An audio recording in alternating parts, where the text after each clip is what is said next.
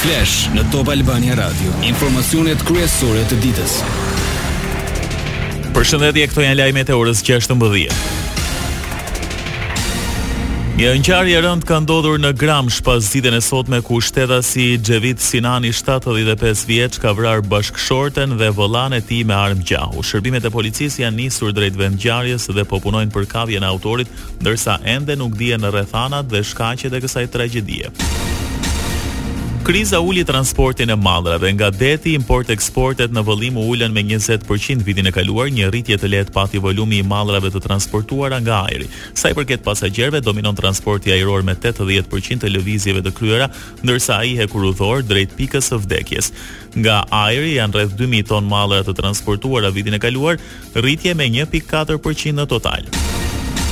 Nga portet detare janë rreth 3.8 milion ton mallra të ngarkuara e shkarkuara duke ulur ndjeshëm me 20%. Edhe ato nëpërmjet hekurudhës pësuan rënje. Rënja e volumit total të mallrave të transportuara tregon edhe ngadalësimin e rritjes ekonomike dhe frenimin e konsumit me inflacionin që arriti nivele rekord vitin që lamë pas. Kjo edhe pse në vlerë Tregtia e jashtme pati rritje të ndjeshme. Janë dyzet e shtatë kamera sigurie të vendosura nga grupet kriminale në disa lagje të qarkut Durrës që u çmontuan nga policia në kuadër të një operacioni mbarëkombëtar. Kamerat e sigurisë të instaluara për sigurimin e informacioneve për qëllime kriminale për të monitoruar lëvizjet e policisë ishin montuar Në Durrës, Shijak, Krujë e Nikël.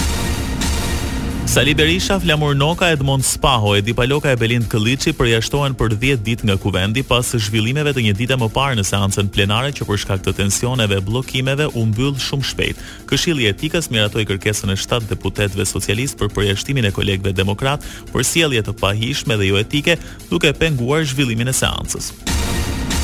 Vendoret e 14 majit, grupi i Berishës i dërgoi KQZ-së emrat për anëtarë të KZAZ-ve në emër të selisë blu, shkresën e dorëzoi Flamur Noka, por komisioneri Celibashi duhet të vendosë për pranimin ose jo. Edhe grupi i Alibeajt ka njoftuar se do t'i dorëzojë emrat e Partisë Demokratike të hënën. Më herët Celibashi tha se mes grupimit Berisha dhe atij Alibeaj, ai do të njohë subjektin e regjistruar në regjistrin e partive në gjykatë. Lajmet në internet në adresën www.topalbaniaradio.com. Në qarkun Shkodër, ku vazhduan shkarkimet nga hidrocentrali i Vaut të Dejës, numri i banesave me prani uji arriti në 110. Në total janë 1400 hektarë të përmbytura, ndërsa rruga e fshatit Obot mbetet me prezencë uji 85 cm. Atje ndodhen dy mjete të kalueshmërisë së lartë si dhe forca të ushtrisë. Edhe rruga Shirq Daragjat nuk kalohet, Bashkia e Shkodrës kërkoi pako ushqimore për banorët e bllokuar nga uji e bazë ushqimore në Obot. Sa i përket parashikimit të motit, sot vendi ynë do të vijojë të ndikohet nga masa ajrore relativisht të paqëndrueshme dhe të lagështa me origjinë jugperëndimore. Temperaturat luhaten nga minus një në gjashtëmbëdhjetë gradë Celsius. Lajme nga bota. Sot është Dita Ndërkombëtare e Përkujtimit të Holokaustit. Më njëzet e shtatë janar të vitit një mijë e nëntëqind e dyzet e pesë, trupat sovjetike të Armatës së gjashtëdhjetë të Frontit të Parë Ukrainas mbërritën pranë qytetit polak të Aushvicit, ku zbuluan kampin e përqendrimit dhe liruan ata që u mbijetuan torturave naziste. Zbulimi i Aushvicit e dëshmitë e të mbijetuarve i treguan botës mizoritë e gjenocidit nazist. Kancelari gjerman Olaf Scholz përmendi përgjegjësinë historike të Gjermanisë për vrasjen e miliona hebrenjve në periudhën e nazizmit. Në Twitter shkruan se vuajtjet e gjashtë milionë hebrenjve të vrarë pafajësisht janë të paharruara, ashtu sikurse vuajtjet e të mbijetuarve, ndërkohë Shqipëria është vlerësuar si vend i cili gjithmonë ka mbrojtur hebrenjtë. Asamblea Parlamentare e Këshillit të Evropës kërkon krijimin e një gjykate ndërkombëtare për krimet e luftës, ndërsa Rusia vazhdon luftën në Ukrainë. Nga kjo gjykatë me seli në Hagë kërkohet të ndjekë penalisht liderët politikë e ushtarakë të Rusisë dhe aleates së saj Bjellorusisë për nisjen e agresionit në Ukrainë. U miratua një rezolutë e bazuar në raportin e një deputeti zviceran.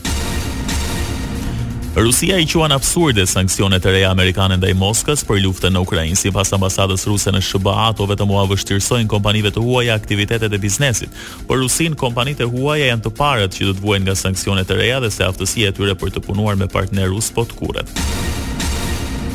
Forcat speciale amerikane vranë një zyrtar të lartë të shtetit islamik dhe 10 operativë të tjerë terroristë në Somalinë e largët veriore. Në shënjestër ishte edhe Bilal al-Sudani, ndihmës kryesor financiar për organizatën terroriste globale. Shefi i Pentagonit Lloyd Austin tha se ky veprim i lë Shtetet e Bashkuara dhe partnerët e tyre më të sigurt. Ndoqët një përmbledhje kryesore të lajmeve të ditës, unë jam Edi Hallaçi. Kjo është Top Albania Radio.